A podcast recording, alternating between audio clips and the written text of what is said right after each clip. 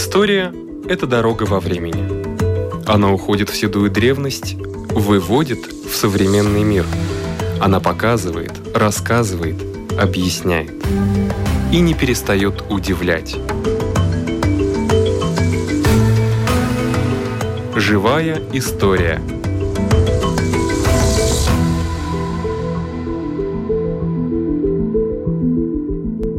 У микрофона Лидия Чера. Я нахожусь в квартире Мемориальном музее двух художников Романа Суты и Александры Бельцовой. А заведующая музеем Наталья Евсеева. У вас новая экспозиция – да, мы сменили работы, но выставка, в общем-то, та же самая. Мы продолжаем говорить об Александре Бельцовой, о ее дневниках и воспоминаниях о тяжелом времени, как раз перед Второй мировой войной, когда она вела свои записи в дневнике и описывала общее состояние людей здесь и свое собственное. И вот эти работы, которые мы выбрали, они не были опубликованы ранее, э, не показывались на выставках, то есть это такая премьера своего рода, и большая часть из них из нашей коллекции. То есть то, что вот мы подготовили, что в прошлую выставку Бельцовой в 2019 году осталось за кадром, и в этот раз вот мы решили показать.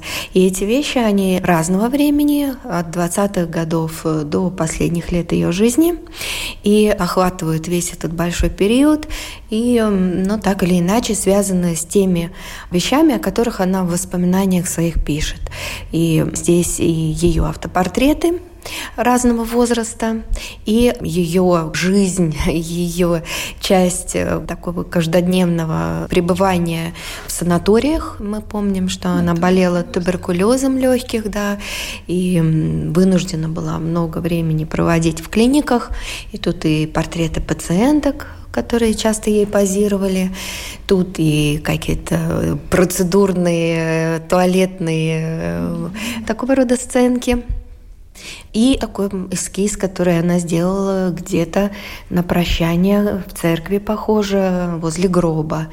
И вот этот рисунок да, там, да. да. И есть даже фотография, где вот она стоит возле этого места.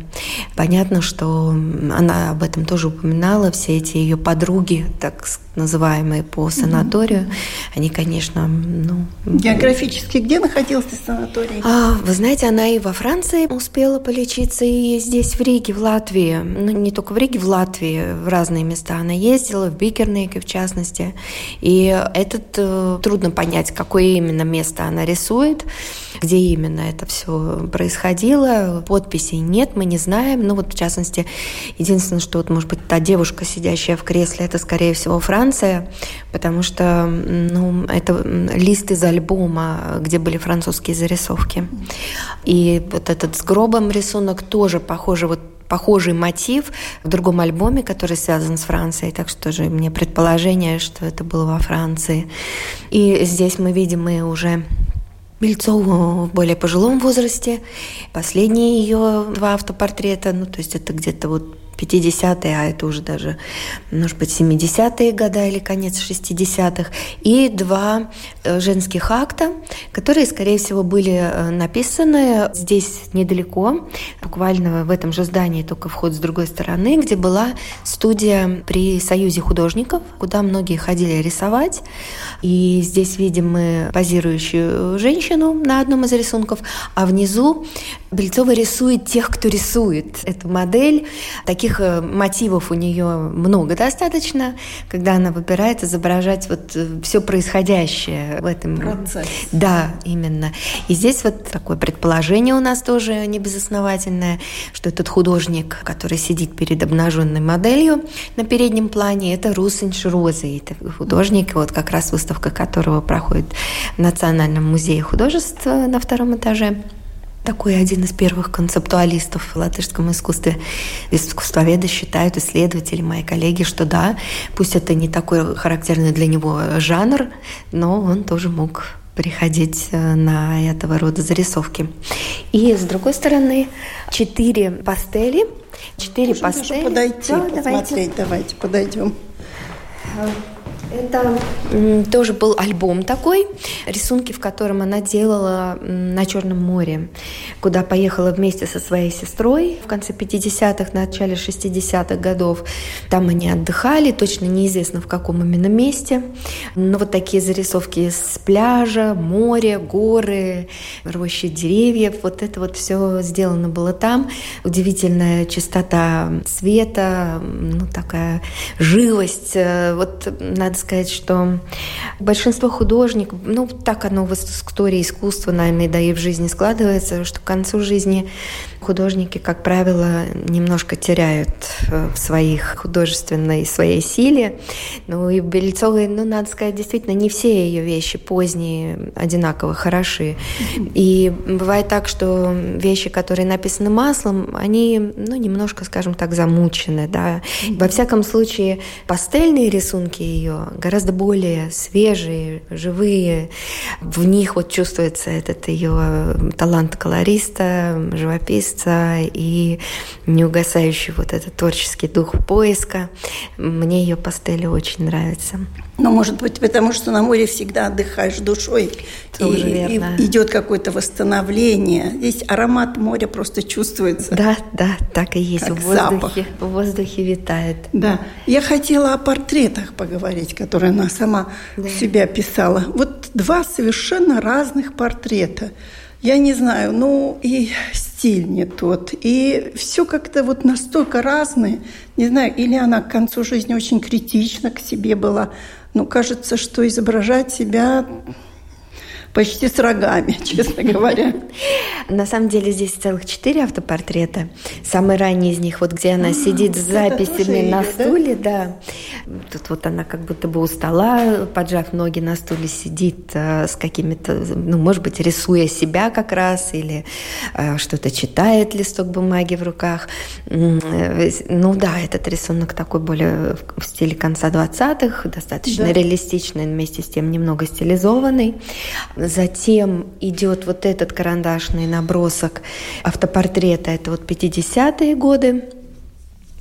И он такой, ну, э, линейный рисунок, э, очень легкий, набросок, незаконченный. И в нем тоже есть э, вот такая некоторая свежесть взгляда, вот да. такая живость, которая в нем читается. А это пастельный, да, автопортрет, это уже, наверное, начало 60-х. Тоже, я бы сказала, достаточно правдиво она пытается передать так без приукрашивания свой образ. Mm-hmm. Это важно, потому что в то же время у нее были автопортреты, в которых она изображает себя явно моложе, чем женщина она выглядит. женщина. Да, а может быть, это как воспоминание о прошлом, как э, было раньше раньше, как она видит себя. Ведь наш какое-то внутреннее представление о себе и образ часто отличается от того, что мы видим в зеркале. Вот. А э, то, что вы говорите как будто с рогами, на самом деле это такая смелая композиция, такая э, контрастные пятна ярких цветов, включая тоже такие контрасты черного. Создано это такими восковыми мелками и пастелью.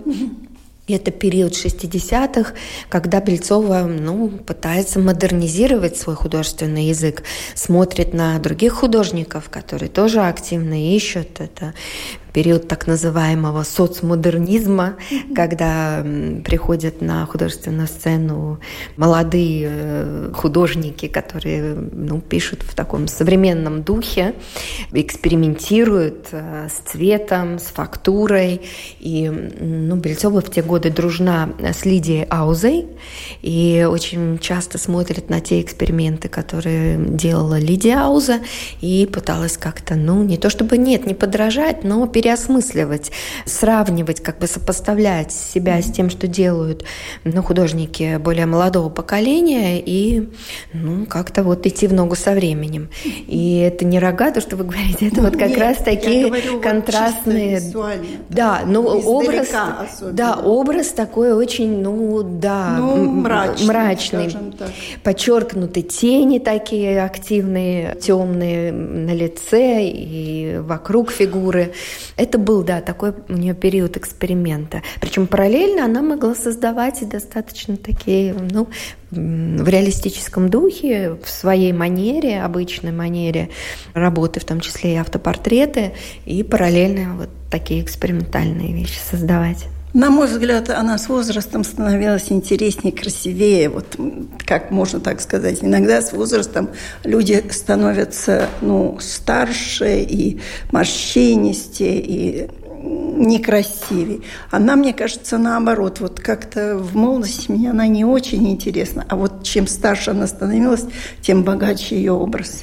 Ну, у нас, во-первых, можно сравнить фотографии, да, и частности здесь в витрине мы можем а, видеть. Вот здесь. здесь она явно помоложе, да, ей здесь, наверное, около 40 или, да. может, 30 э, с небольшим. Ну, на мой взгляд, она красиво была в любом возрасте. Мне нравится она и в молодости, как выглядела очень элегантно, и черты лица красивые, правильные. Но э, я соглашусь с вами, что у нее был талант стареть красиво. Да. И если посмотреть, эти морщины есть у нее, никуда они, естественно, не девались. Возраст есть возраст, но тем не менее, вот какая-то ну, элегантность, грация, э, ухоженность. Да, да, это все вот в ней есть. И старела она действительно очень красиво. И можно убедиться, у нас же это видео, которое вот мы для выставки взяли в архиве. Это киножурнал «Макс» 1972 года, где празднуется ее 80-летний юбилей. И вот в хронике можно посмотреть, как она выглядела в этом 80 возрасте. лет. Да, 80 лет. Это если мы вспомним, что, в общем-то, не было косметологов и всех тех возможностей, которые имеем мы сегодня, выглядела она превосходно. Дочка Татьяна тоже прожила за 80, по-моему. 81, да. То есть 81. вот одинаково почти с матерью прожили вместе. Ну, Бельцова чуть дольше, до 89 лет. А, правильно, да, она да. же 80 отметила и дальше жила.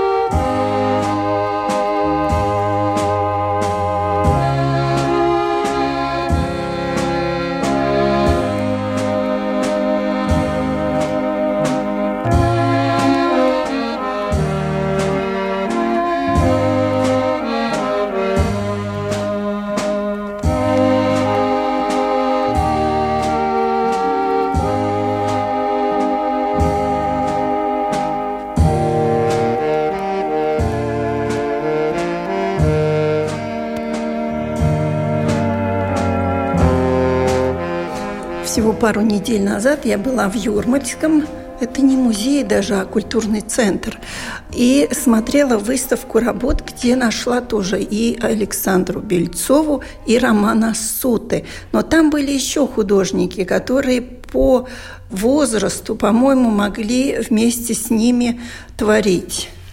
Да, это Вы была... знакомы с этой выставкой? Я была на ней, да. Выставка хоть и занимала небольшое ну, помещение, богатая. но действительно представлены были многие художники 20-30-х годов, их работы вот межвоенного времени, и вся тематика была связана с отдыхом у моря. Там были и старые карты побережья, и э, разных других мест.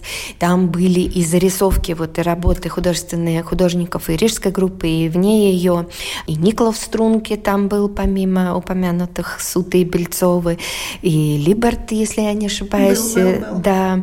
И, э, Либерт понравился больше всех. Ну вот как. Так, и, и эти все зарисовки были связаны с местами отдыха у моря для каждого из этих художников.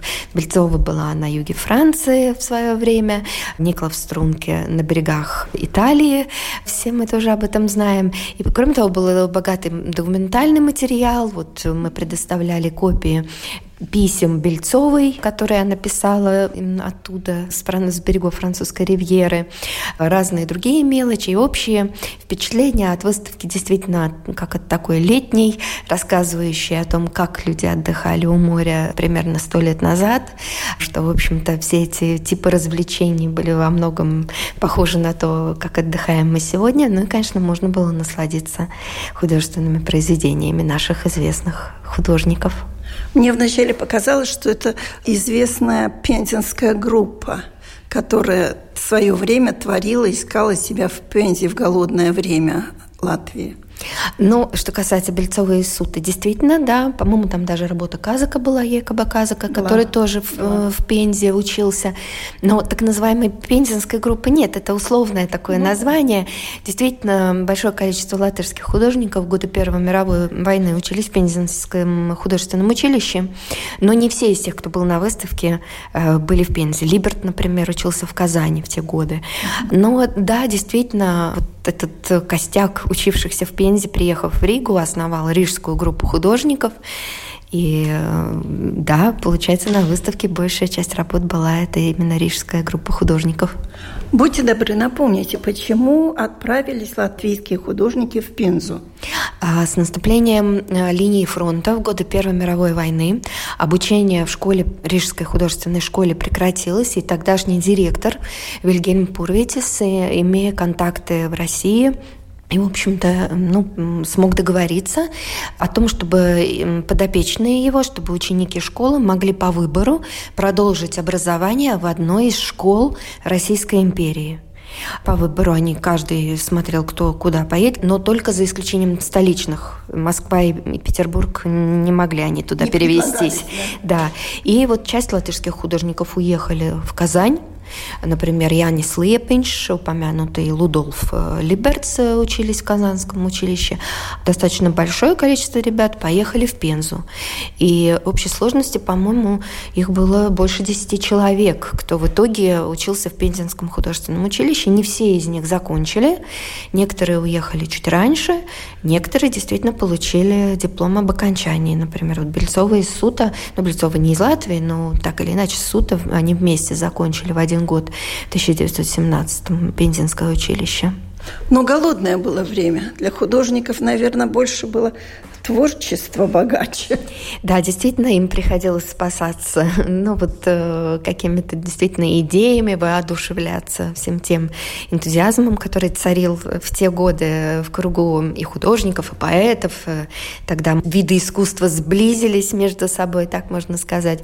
Но подорвано было здоровье у многих. И вспомним Якоба Казака, который тоже болел, как и Бельцова, туберкулезом легких, но, к сожалению, ему повезло меньше.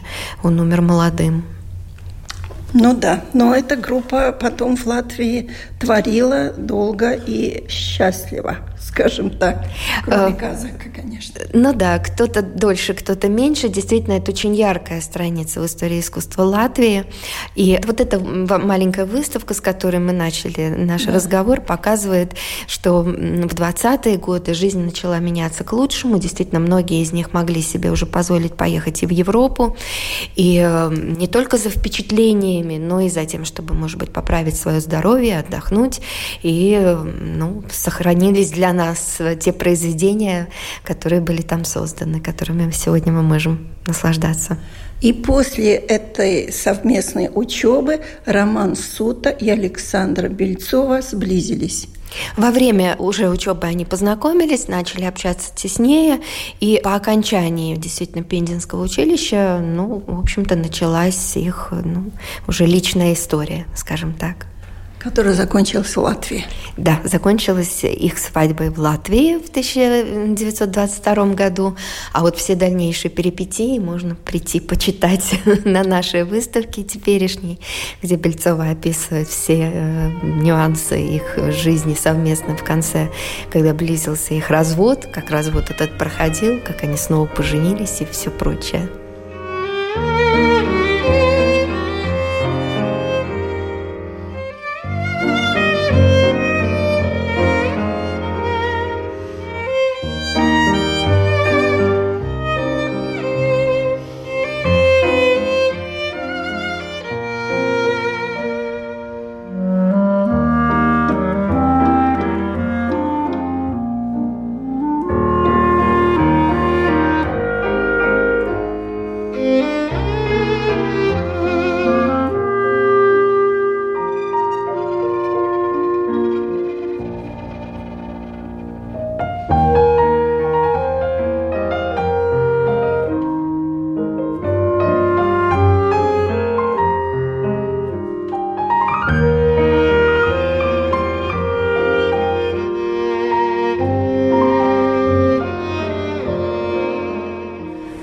Под впечатлением повести Дины Рубиной «Голубка Кордовы» меня все время интересовал этот вопрос, и наконец я нашла, кому его задать.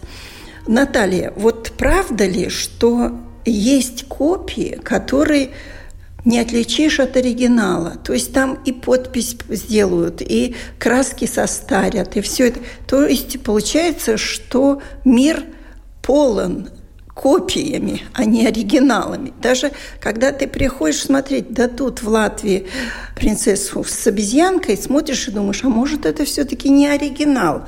И как определить? Вы как искусствовед, вот есть такие какие-то точные, точные, которые можно определить, это оригинал а это копия. Ну да, есть такой распространенный миф, да, что в музеях висят одни копии, что оригиналов там нет. На самом деле, ну, во-первых, это неправда, любой уважающий себя музей никогда не будет так делать. Во-вторых, есть действительно достаточно четкие методы, по которым можно определить и датировку, и копия это или оригинал. Есть э, оборудование, которое позволяет послойно рассматривать живопись. И э, если мы видим только верхний слой, так скажем, да, картины, то эта аппаратура позволяет видеть э, все от грунта до подмалевка, да, то есть вот все по стадиям, соответствует ли это тому, как работал этот конкретный художник, да, действительно ли он, так ли он делал свой набросок, прежде чем накладывать слои краски, какие вещи, какие пигменты он использовал. Все специалисты, все могут это определить, и, ну, обмануть такого уровня специалистов очень непросто. Ну, может быть, теоретически бывают ошибки, ну, понятно, что, наверное, все мы люди, и никто не застрахован от какого-то, какой-то маленький процент ошибок есть, но э, в принципе, оборудование и специалисты позволяют сегодня определить ну, с точностью практически до 100%. Я читала в свое время интересные исследования, когда начали подключать уже искусственный интеллект, который, скажем, анализирует именно особенности мазка. Ну, взять, например, Джексона Поллока. Вот именно к его вещам был применен этот метод. И анализируя то, как именно, вроде бы как он разбрасывал, разбрызгивал эту краску, вроде как элемент случайности, вроде как это и в то же время почти как медитативная практика его, да, как он это все сотворил, скажем так. Тем не менее, искусственный интеллект выявил некую закономерность, как эти слои красок положены были, как этот мазок ложился, как эта краска капала и так далее, и так далее. Куча параметров, по которым удалось выяснить, что действительно часть вещей Полока, которые были на рынке на тот момент, являлись подделкой.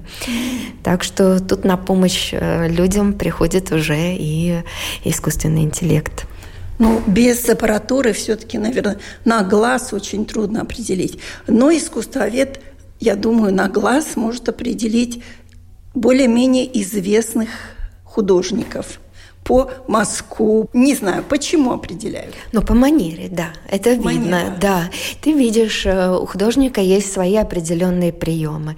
Кто-то, ну, как из старых мастеров, ну, по рукам, потому как пишет руки Ван Дейк, его вещи всегда легко узнать, например, да. или потому как э, трактуется цветотень, очень часто можно увидеть и опознать Рембранта или его учеников. То есть просто не подходя даже к этикетке, заходя в зал, ты примерно понимаешь. Даже если ты эту работу никогда ранее не видел, примерно ты понимаешь, что это за мастер. Ну или даже в нашей э, латышской э, истории искусств тоже достаточно легко определить художник на самом деле, чем он талантливее, тем ярче его индивидуальность, и тем проще нам запомнить его индивидуальный почерк, особенный, отличающийся от остальных. И ну вот у каждого это свое. У кого-то колорит, у кого-то характерный рисунок, у кого-то какие-то определенные ну, э, нюансы решения композиции, по которым ты можешь понять, даже вот просто зайдя в зал, окинув взором, ты понимаешь, а этот вот, этого знаю, этого знаю. Да. У кого-то синий цвет, например, как у Рериха, да? У кого-то, да, или мотивы гор, тут тоже мы их легко поймем, что это он. Но на самом деле не только искусствовед, но и даже интересующийся искусством любитель может развить свою насмотренность и тоже со временем легко научиться определять того или иного автора. Вот говорят, это картина Леонардо да Винчи, а он начинал, но заканчивали его ученики. Но даже так можно определить? Да, да, такие вещи тоже возможны. Тоже, может быть, не всегда это можно определить просто без технических устройств. Иногда, может быть, действительно нужна техника, потому как ну, вот в определенном освещении, э, подключая определенные вот эти лампы, инфракрасные, ультрафиолетовые, мы видим, например, что некоторые слои краски были нанесены существенно существенно позже – и мы понимаем, что вот этот слой – это то, что писалось во время жизни самого художника. А вот эти вот, которые светятся прям другим, чуть ли не ультра таким фосфорицирующим светом, понятно, что вот эти вот вещи были, вот эти места были прописаны позднее. И это легко увидеть. Ну и, наверное, состав краски, то есть со временем 21 век и, и 15 там же другой состав совсем красок. Был. Да, конечно. Ну, хотя есть технология, наверное, наверное, которые позволяют воссоздать ну, почти того времени технологии, как замешивали краску, и, может быть, что-то такое близкое к тому. Реставраторы же также тоже реставрируют не сегодняшними, а близкими к тем технологиям, которые использовались во времена художника. Но, опять же, я говорю, есть методы, которые нам позволяют определить, когда, какой фрагмент картины был написан, ну и примерно кем. Вам приходилось видеть картину до реставрации, после реставрации? И не кажется ли иногда, что до реставрации, пусть она была более блеклая, но она была красивее, нельзя сказать, но богаче, что ли, что она была сильнее – Конечно, я видела много раз. Это у нас проходит регулярно реставрационные советы при музее, когда э, собираются все специалисты по определенному виду живописи или там скульптуры или графики. Вот анализируются подходы, как мы будем реставрировать. Специалист объясняет свою программу действий. И я действительно много раз видела до и после. Но надо сказать, что современный правильный подход к реставрации сегодняшний таков, что мы не делаем эту вещь, как будто она вчера только написана была. Ну, да. Действительно, есть определенная этика реставратора, которая не позволяет нам делать какие-то поновления, чтобы это просто выглядело как открытка. Да? Нет, естественно, мы идем к тому, чтобы это изображение, ну, какие-то его, во-первых, вопрос сохранности, те места, которые там потрескался, красочный слой начинает отделяться от основы, все эти вещи должны быть закреплены, чтобы произведение не разрушалось дальше. Если есть какие-то вещи, которые нам мешают восприятию, ну, там какие-то например, трещины прямо на лице, э, если да, это да, какой-то портрет, да, естественно, вот все эти трещины, они обрабатываются, чтобы эта краска дальше не разрушался красочный слой. Если требуются какие-то минимальные вот такие вот э, поновления, скажем, да, чуть-чуть заполнить эти пробелы краски, но никто никогда не делает эту вещь, чтобы она выглядела, блестела, как говорится, как вчера вышедшая э, с Мольберта. И Бывает так, что нам просто непривычно. Мы привыкли к какой-то картине или какой-то вещи, как она выглядела раньше. Ну, взять того же Вермеер, девушку с письмом, да, сколько копий сломано вокруг нее. Надо было этого ангела туда возвращать, не надо было. Вот он такой испортили все, а там была до этого такая тишина и покой, а тут он такой уродливый. Но на самом деле это ну, тоже, опять же, методом научной вот этой вот диагностики было выяснено, что этот ангел был написан именно в тот же слой, это тот же слой, как и слой, на котором девушка это написано с письмом. То есть это написано было самим Вермеером, опять же, там тоже со скобы краски, все эти вещи свидетельствуют, что это был его замысел – и вот как раз более поздние, ну, скажем, арт-дилеры, те, кого они привлекали для того, чтобы это продать уже под видом Рембранта, на самом деле, там он временами продавался, эта вещь, они закрасили, чтобы это выглядело более так по-голландски, чисто, скажем так. И мы, по сути, возвращаем этой вещи, ее изначальный э, замысел возвращаем изначальный художника. И это как бы вроде как наша проблема, что мы не привыкли к этой картине в ее так, таком виде. Да. да. И бывает, что да, картина, например, от слоев лака очень сильно пожелтела. И мы к ней такой, вот уже сколько лет мы ее видим в таком колорите, ну такая она. А выясняется, когда мы этот пожелтевший грязный слой лака снимаем и поновляем этот слой так, чтобы эта картина не страдала, в то же время слой был защищен, но эту желтизну лишнюю убираем, выясняется, что она на тон, на два светлее да. и не такая желтая. И кажется, да что ж с ней сделали такое? Да, а на самом деле, ну, по сути, мы э, приближаемся к тому, как эту вещь видели современники и сам автор задумывал. Вы только что недавно были в Германии. И я знаю, что вы не просто так посещаете страну, не посетив музей. Ну да, но это была такая частная поездка, скажем. Не... Ну, а какие музеи видели? А, я была в Валаров Ришардс музее, там очень хорошее собрание средневековой живописи немецкой. Ну, что-то есть из конца 19-го, начала 20 века. Вот я хотела Гюстава Кейбота посмотреть, которого они из своих немецких собраний там выставили. Ну и, как всегда, прошлась по некоторым своим любимым залам, там, где Дюрер, там же Стефан Стефан Лохнер. Юра тоже нравится, да? Ну, а как же, да. Очень он реалистичен. Ну, да, у него такой свой подход. Мне нравится у него этот северный ренессанс, северное возрождение, и в то же время близость к итальянским образцам. Он вот как раз тот случай мастера очень узнаваемого. Я его боюсь. Почему? Не знаю почему. Вот просто как-то Такое ощущение, ну, да. разное же есть ощущение. От разной картины разное ощущение. Ну, может быть. Но мне всегда интересно эти вещи смотреть в оригинале каждый mm. раз. Такого рода мастера, они, их а, созданное ими обладает вот некой такой аурой особой, которую можно почувствовать, когда ты видишь оригинал. У нашего микрофона была заведующая музеем Романа Суд и Александра Бельцовой Наталья Евсеева. На этом наша передача заканчивается. Всего вам доброго.